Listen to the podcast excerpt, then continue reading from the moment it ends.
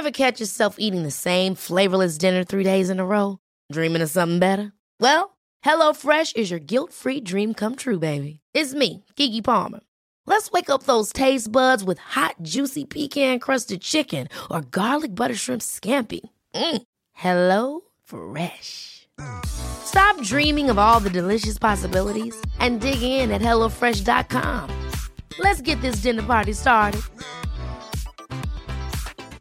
Hi, I'm Daniel, founder of Pretty Litter. Did you know cats tend to hide symptoms of sickness and pain? I learned this the hard way after losing my cat, Gingy. So I created Pretty Litter, a health monitoring litter that helps detect early signs of illness by changing colors, saving you money and potentially your cat's life. Pretty Litter is veterinarian developed, and it's the easiest way to keep tabs on your fur baby's health right at home. Go to prettylitter.com and use code ACAST for 20% off your first order and a free cat toy. Terms and conditions apply. See site for details.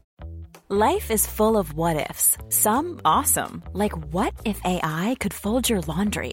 And some, well, less awesome, like what if you have unexpected medical costs? United Healthcare can help get you covered with Health Protector Guard fixed indemnity insurance plans. They supplement your primary plan to help you manage out of pocket costs. No deductibles, no enrollment periods, and especially no more what ifs. Visit uh1.com to find the Health Protector Guard plan for you.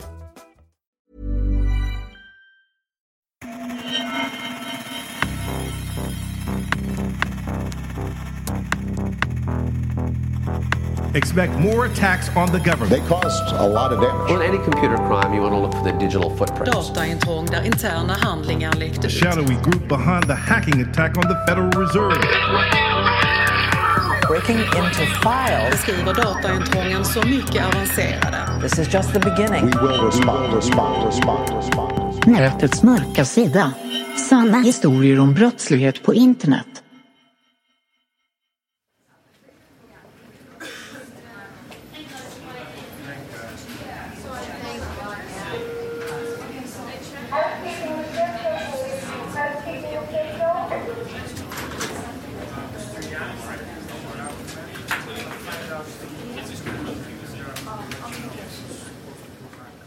Andreas Meyer fattade ingenting. Den 37-åriga hjärtkirurgen kliade sig i huvudet, tittade på bokningssystemet på skärmen en gång till och försökte förstå vad som hade hänt. Det var kväll och han tittade ut genom fönstret över centrala Düsseldorfs skyline och tänkte ah, det måste vara någon som skojar. Lukas hade försökt att logga in på Citrix-systemet på sjukhuset för att se efter vilka operationssalar som var lediga den kommande fredagen eftersom han höll på att planera en stor hjärtoperation. Operationen krävde både tillgång till en stor sal och flera andra läkare och sjuksköterskor som kunde assistera under ingreppet, så han behövde också komma in och stämma av scheman för att få ihop folk till operationen. Men det blinkade bara rött på skärmen och så stod det Your information has been encrypted. We will release your data when the full amount of 2 million euros has been paid to our bitcoin account. Han gick ut i korridoren och stötte ihop med allmänläkaren Dieter som såg lika förvirrad ut som Lukas själv. Vad är det som händer? frågade Lukas. Jag kommer inte in i bokningssystemet och det står något på skärmen om att vi måste betala pengar. Jag vet inte, sa Dieter. Det är samma sak på min dator. Det måste vara ett skämt, eller vad tror du? Det är väl ingen som är så dum att de skulle angripa ett sjukhus, eller? Nej, det kan de ju bara inte göra. Av alla dumma saker folk kan hitta på så måste ju det här vara sist på listan. Då hördes plötsligt en röst i sjukhusets interna högtalarsystem. Meine Damen und Herren, Det här är ingen övning. Samtliga i personalen som inte aktivt behandlar eller opererar patienter måste omedelbart komma till samlingssalen på plan 3. Jag repeterar, det här är ingen övning. Vi har blivit utsatta för en allvarlig attack. Det här är ingen övning. Samtliga i personalen som inte aktivt behandlar eller opererar patienter måste omedelbart komma till samlingssalen på plan 3. Jag repeterar, det här är ingen övning. Vi har blivit utsatta för en allvarlig attack. Lukas och Dieter skyndade sig bort i hissen och åkte ner till våning 3.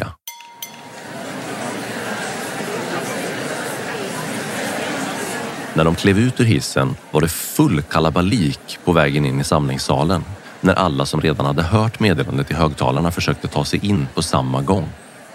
Lukas och Dieter gick lugnt och sansat efter de andra och försökte undvika att armbåga och knuffa sig in, men det var inte så lätt. Efter nästan tio minuter av kaos så satt nu mer än hälften av all personal på UKD, Düsseldorf University Hospital, ner och viskade spänt.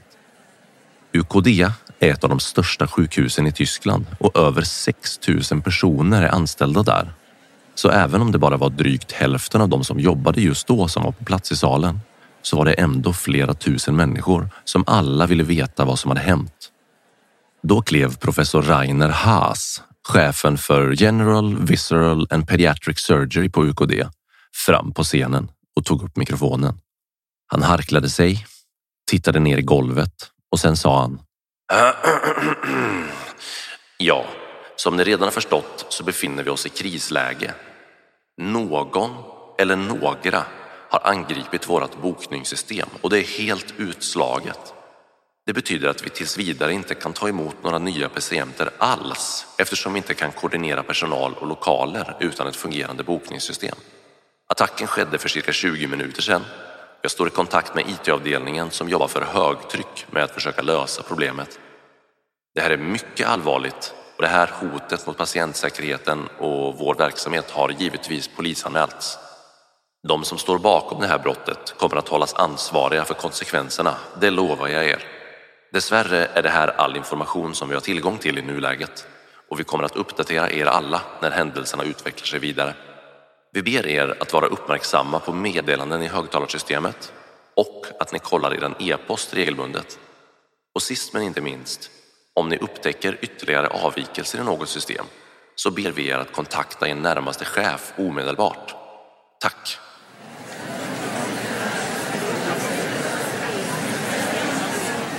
Utan att så mycket som stanna upp för att reagera på de hundratals frågorna och ropen som haglade över honom från åhörarna så klev sen professor Reiner av scenen och gick ut. Personalen i samlingssalen var närmast i upplösningstillstånd nu. Vad skulle hända? Hur skulle de kunna veta vem som ska vara var utan att kunna se det i bokningssystemet? Och vad händer med ett sjukhus som inte kan ta emot några nya patienter? Hur länge ska det här hålla på? Lukas tänkte först att det var lite konstigt att professor Reiner hade sagt att de skulle kolla e-posten, för den funkade ju inte heller. Men för Lukas blev det här problemet av mer akut karaktär när han klev ut ur hissen på våning fem igen.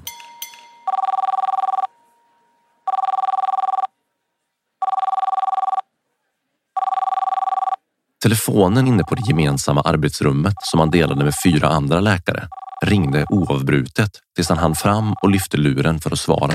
Hallå? Det var Julia nere på akutenheten i andra änden av samtalet.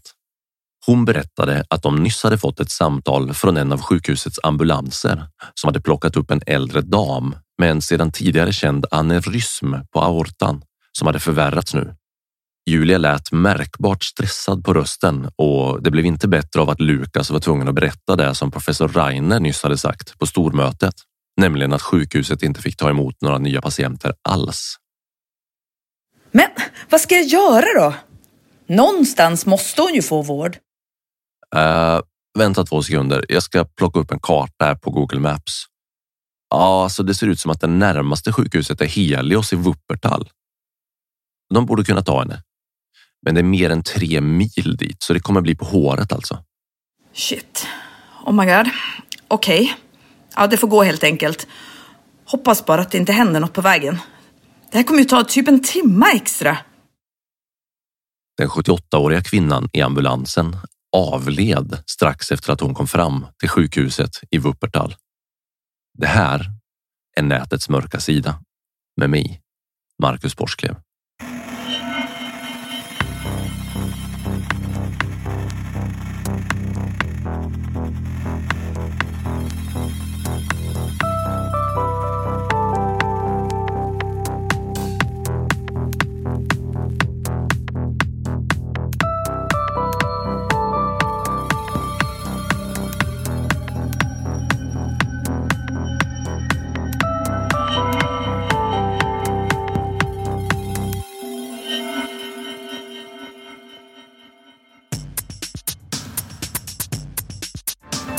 This week, a woman in Germany died during a ransomware attack on a Dusseldorf University hospital in what may be considered the first death directly linked to a cyber attack on a hospital.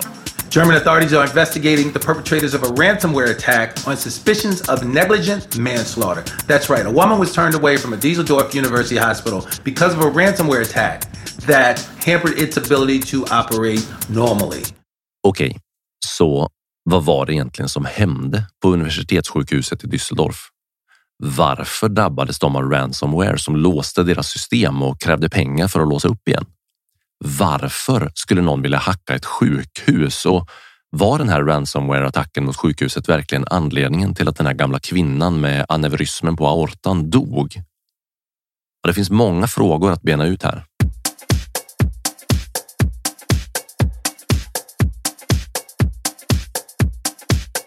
Vi börjar med att titta på vad det egentligen var som hände. Vi har några fakta som går att plocka ut ur historien här. På kvällen den 11 september 2020 så fick ambulanspersonalen vid universitetssjukhuset i Düsseldorf veta att tillståndet för en 78-årig kvinna med en tidigare känd aneurysm på aortan hade förvärrats och att hon behövde få sjukhusvård. Det var egentligen en rutinkörning och problemen dök upp när de skulle meddela sjukhusets övriga personal om att de snart skulle anlända till sjukhuset. Då fick de veta att sjukhusets akutmottagning var stängd och att de inte kunde ta emot patienten på grund av en utpressningsattack. Sjukhuset drabbades av en ransomware-attack som låste deras salsbokningssystem och deras system för att administrera vilken personal som skulle jobba när och var, plus en massa andra mindre system. Den skadliga ransomware-koden krävde flera miljoner euro för att låsa upp systemen igen.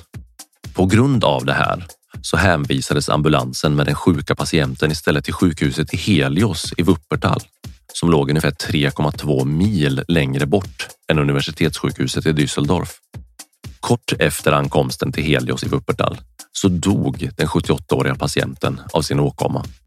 Okej, okay, så det där är helt enkelt vad som hände och hur det gick till. Men det säger inte så mycket om vad det faktiskt berodde på och vilka konsekvenser det fick. Så det måste vi gräva lite mer i för att kunna förstå hela den här historien.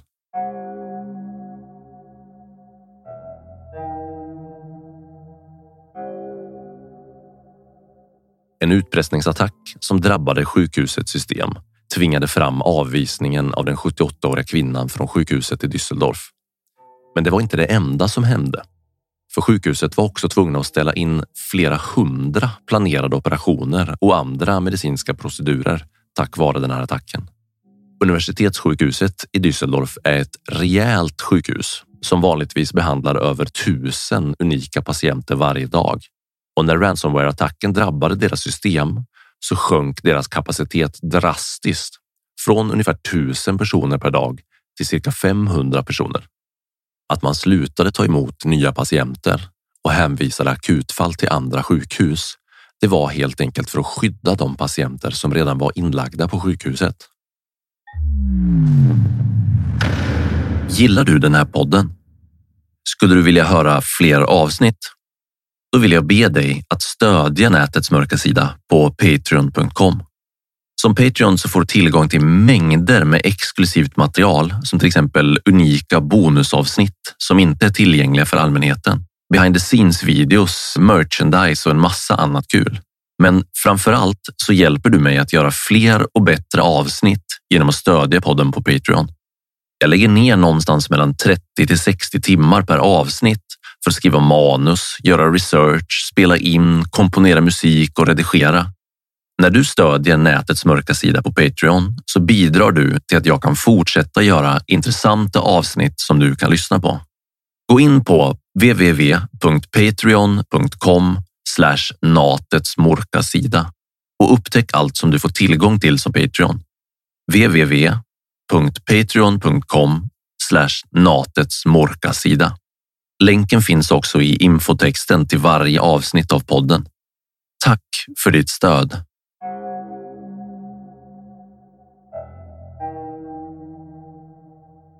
Den här utpressningsattacken upptäcktes först på morgonen den 10 september 2020.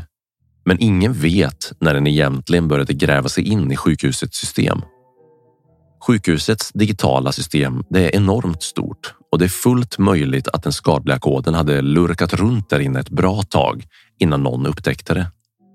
Utpressningsprogrammet nästlade sig in i sjukhusets nätverk genom en sårbarhet i en applikation från Citrix.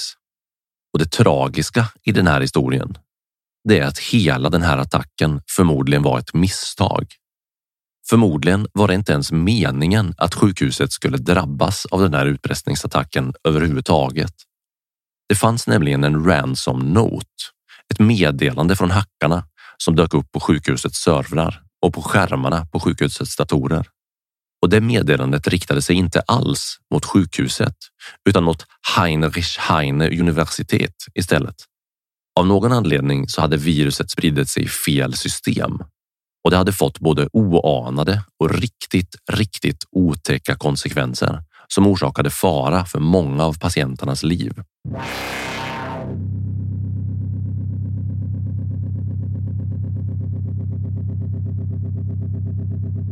Och det är nu som den här historien tar en ganska oväntad vändning. När polisen gick ut med informationen om att sjukhuset hade blivit drabbat av en utpressningsattack, då hörde hackarna av sig och lämnade över krypteringsnyckeln. Alltså, det här är någonting väldigt ovanligt som hände här. Att en hackergrupp frivilligt lämnar över krypteringsnyckeln till ett ransomware utan att kräva något i gengäld. Alltså, det händer ju typ inte. Men här är det som att hackarna helt plötsligt fick ett stort samvete och ångrade det som de hade ställt till med. Sen lämnade de över krypteringsnyckeln för att försöka ställa det som hade hänt till rätta igen. Samtidigt så skulle det hela helt enkelt kunna vara ett trick för att vinna sympati. Det är ju lite svårt att veta egentligen. Hackare som utför den här typen av utpressning brukar ju inte direkt vara kända för att ha samveten. Snarare brukar det ofta dyka upp utpressningar av allt från enskilda personer till småföretag som alla behandlas lika hårdhänt och lika skoningslöst. Men kanske tyckte de här hackarna att det helt enkelt började hetta till lite för mycket när polisen i Tyskland började utreda fallet. Så de kanske ville lugna ner saker och ting lite grann genom att skaffa sig lite goodwill och befria sjukhuset. Men det finns en sak här som är viktig att komma ihåg. När hackarna väl lämnade över krypteringsnyckeln för att låsa upp sjukhusets system, då var skadan redan skedd. Även om det var en fin gest att lämna över krypteringsnyckeln när de insåg att sjukhuset hade blivit drabbat, så hade deras misstag redan ställt till med enorma skador. Sjukhuset började avkryptera sina låsta system den 11 september, men det skulle dröja ända till den 20 september innan de överhuvudtaget kunde slussa någon data genom sina servrar och få igång systemen igen. Det var enorma mängder data som hade förstörts i attacken. 30 servrar hade blivit låsta och samtidigt som de skulle reda upp spillrorna efter den här attacken så behövde sjukhusets IT-team även försöka bygga in nya skydd mot framtida attacker i systemet medan de jobbade. Under mer än en vecka så fungerade inte ens e-mailsystemet på sjukhuset överhuvudtaget.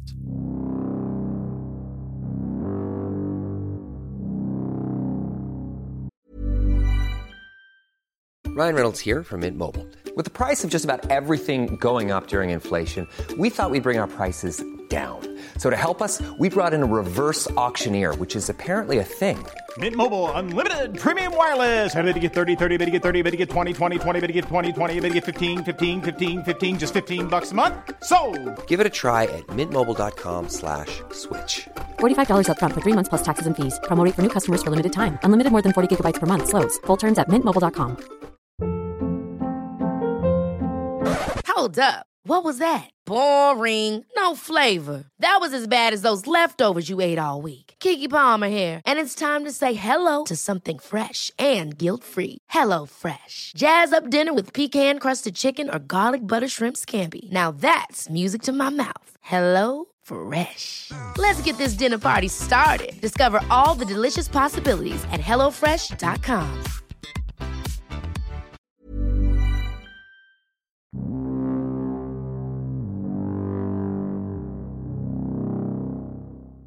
I efterdyningarna av den här attacken så påbörjade den tyska polisen en mordutredning med rubriceringen Fahrlässiger Mord. vilket betyder ungefär vårdslöst mord på svenska. Det är helt enkelt när man mördar en person utan att ha något ont uppsåt eller för att man gjort något vårdslöst som har förorsakat mordet. Lite som vållande till annans död i Sverige ungefär. Men att bevisa det här visade sig vara lättare sagt än gjort för den tyska polisen. Först fanns ju den lilla detaljen med att ingen hade en aning om vilka hackarna var. Och dessutom, hur 17 kan man fastställa en reell koppling mellan en cyberattack och en gammal tant som dör på ett sjukhus? För att kunna bevisa det här så måste polisen kunna visa att det faktiskt var cyberattacken och förseningen av vården som den medförde som orsakade dödsfallet. Och det visade sig vara i princip omöjligt i just det här fallet. Polisen höll ut och fortsatte med sin utredning i ungefär två månader. Men sen bestämde sig teamet som arbetar med det här fallet för att det inte fanns tillräckliga grunder för att kunna fastställa kausalitet mellan cyberattacken och dödsfallet. Det stod helt klart att cyberattacken spelade en roll i den här händelsen. Men att kunna bevisa att dödsfallet faktiskt berodde på cyberattacken, det gick helt enkelt inte. Det fanns inget lagligt stöd för att hävda att hackarna var skyldiga till kvinnans död. Om vi bara ser saken ur ett medicinskt perspektiv så finns det ju en möjlighet att den här ransomware-attacken faktiskt bidrog till den 78-åriga kvinnans död, även om det inte var en direkt orsak. För det finns faktiskt en sak som krånglar till det rejält i just det här fallet. Och det är att den här kvinnan som dog hade en väldigt allvarlig aneurysm på aortan som i sig var direkt livshotande. Efter attacken så dissekerade både sjukhuset och polisen den här händelsen med den omdirigerade ambulansen in i minsta detalj och slutsatsen blev att den här kvinnan med allra största sannolikhet hade avlidit oavsett vilket sjukhus hon hade anlänt till och att den försening på cirka en timma som ransomware-attacken orsakade varken gjorde från eller till för chanserna till överlevnad för den här kvinnans del. Okej, för att klargöra det här en gång till. Förseningen som ransomware-attacken orsakade hade ingen relevans alls för kvinnans död. Det var vad polisen kom fram till. Det var också vad sjukhuset kom fram till. Hon hade med största sannolikhet avlidit ändå, ransomware-attack eller ej. Men ändå. Ja, men ändå. Tänk bara hur många vårdtimmar som plötsligt bara försvann ner i papperskorgen på grund av den här attacken. Tänk hur många operationer och andra ingrepp som ställdes in eller sköts på framtiden på grund av det här. Och kanske framför allt. Tänk hur stor skada det hade kunnat bli om det här faktiskt hade varit en avsiktlig attack och hackarna aldrig hade lämnat över krypteringsnyckeln.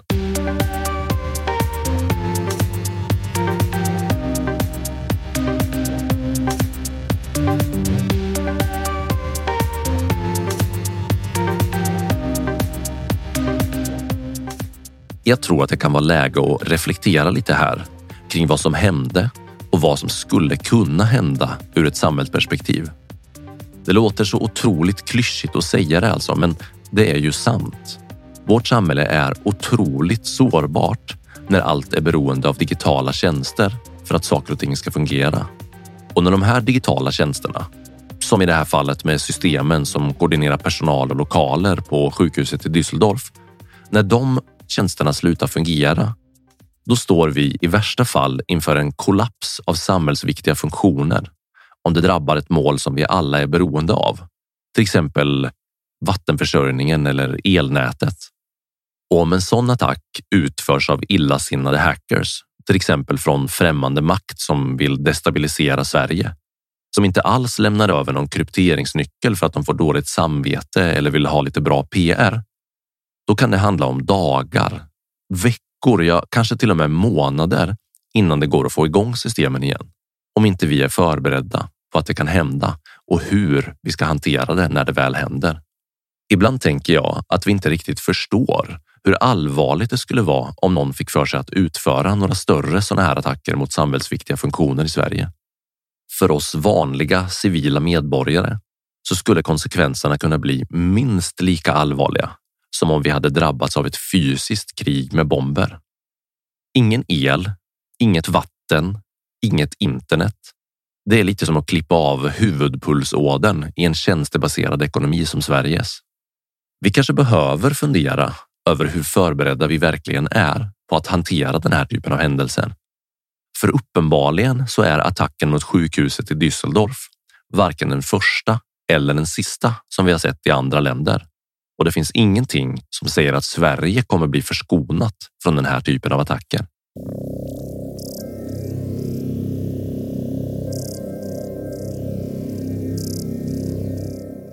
Så vad hände med hackarna som låg bakom attacken i Düsseldorf då? Ja, förmodligen så kommer det nog inte hända särskilt mycket alls. Attribution, alltså att eh, kunna peka ut vem som är skyldig till en IT-attack, det är verkligen inte lätt. Även om det nu har visat sig att hackarna inte var skyldiga till någon slags mord utan uppsåt, så kan man fortfarande tänka sig ett scenario där de straffas för utpressning, olaga dataintrång och liknande IT-brott. Men att identifiera dem och sen dessutom få dem till en domstol, det är snudd på omöjligt om de har sett till att sopa igen sina spår ordentligt. Det finns en del ledtrådar som pekar mot Ryssland i det här fallet. Men än så länge har varken polisen eller sjukhuset några konkreta bevis som skulle kunna hålla i en rättegång.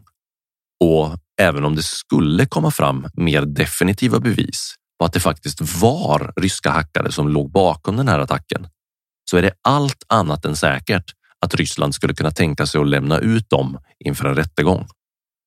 Men varför tror polisen och sjukhuset att det var ryssar som utförde attacken då? Jo, det beror på deras val av ransomware. De här hackarna använder sig av ett utpressningsvirus som går under namnet Doppelmayr som har flera kopplingar till ryska hackergrupper. Okej, okay, så den här historien var kanske inte riktigt lika snaskig som titeln antyder. Det fanns ingen direkt länk mellan döden i Düsseldorf och hackarnas ransomware-attack. Men som sagt, det betyder verkligen inte att de inte orsakade någon skada, snarare tvärtom. Men om man vill vara lite cynisk här så känns det väl inte helt orimligt att säga att det bara är en fråga om tid innan en hackerattack faktiskt blir den direkta orsaken till någon människas död.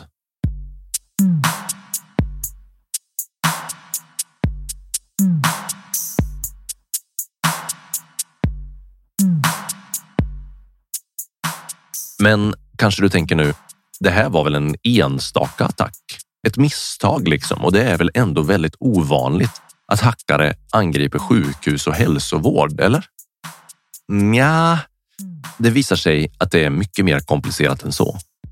Bara under 2020 så utsattes mer än 750 vårdgivare, hälsoorganisationer och andra vårdföretag för utpressningsattacker. Pandemin som har svept över världen har snarare ökat intensiteten när det gäller sådana här attacker än minskat den. Den internationella polismyndigheten Interpol utfärdade en skarp varning i april i år, 2021, för hälsovård och sjukhus och vårdgivare i hela världen eftersom de såg en ökad aktivitet och en ökad hotbild mot vården i världen från illasinnade hackers. I USA har myndigheterna där också gått ut och varnat vårdgivare över hela Nordamerika för den här typen av hot. Det här handlar om hackers som inte drar sig för att väga människoliv mot pengar när de utpressar vårdgivare. Så det finns verkligen anledning till oro här. Och det finns fler exempel på när det har hänt riktigt dåliga grejer än bara det som hände i Düsseldorf.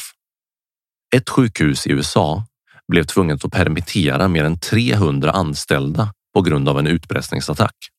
Och ett annat sjukhus kunde inte använda sina datorstyrda cancerbehandlingar alls under en lång period på grund av en annan ransomware-attack.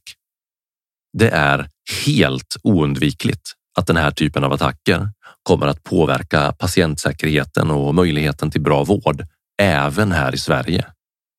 Och om det skulle hända något liknande som det som hände i Düsseldorf, där akutintaget på ett väldigt stort sjukhus som till exempel Karolinska helt enkelt bara måste stänga igen, då kommer det självklart att påverka möjligheterna till bra vård och riskera människors liv.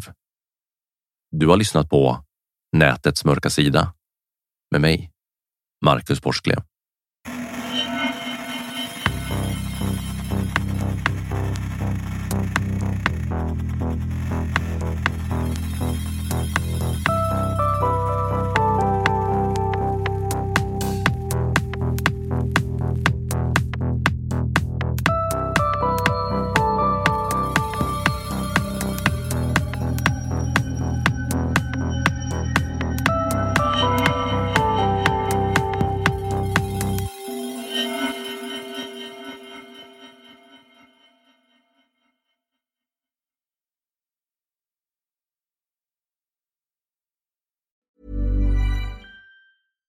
Hi, I'm Daniel, founder of Pretty Litter. Cats and cat owners deserve better than any old fashioned litter. That's why I teamed up with scientists and veterinarians to create Pretty Litter. Its innovative crystal formula has superior odor control and weighs up to 80% less than clay litter. Pretty Litter even monitors health by changing colors to help detect early signs of potential illness. It's the world's smartest kitty litter. Go to prettylitter.com and use code ACAST for 20% off your first order and a free cat toy. Terms and conditions apply. See site for details. Hold up. What was that? Boring. No flavor. That was as bad as those leftovers you ate all week. Kiki Palmer here, and it's time to say hello to something fresh and guilt-free. Hello Fresh. Jazz up dinner with pecan-crusted chicken or garlic butter shrimp scampi. Now that's music to my mouth. Hello Fresh. Let's get this dinner party started. Discover all the delicious possibilities at hellofresh.com. Even when we're on a budget, we still deserve nice things. Quince is a place to scoop up stunning high-end goods for 50 to 80% less than similar brands. They have buttery soft cashmere sweaters starting at $50, luxurious Italian leather bags, and so much more. Plus, Quince only works with factories that use safe, ethical, and responsible manufacturing. Get the high-end goods you'll love without the high price tag with Quince. Go to quince.com/style for free shipping and 365-day returns.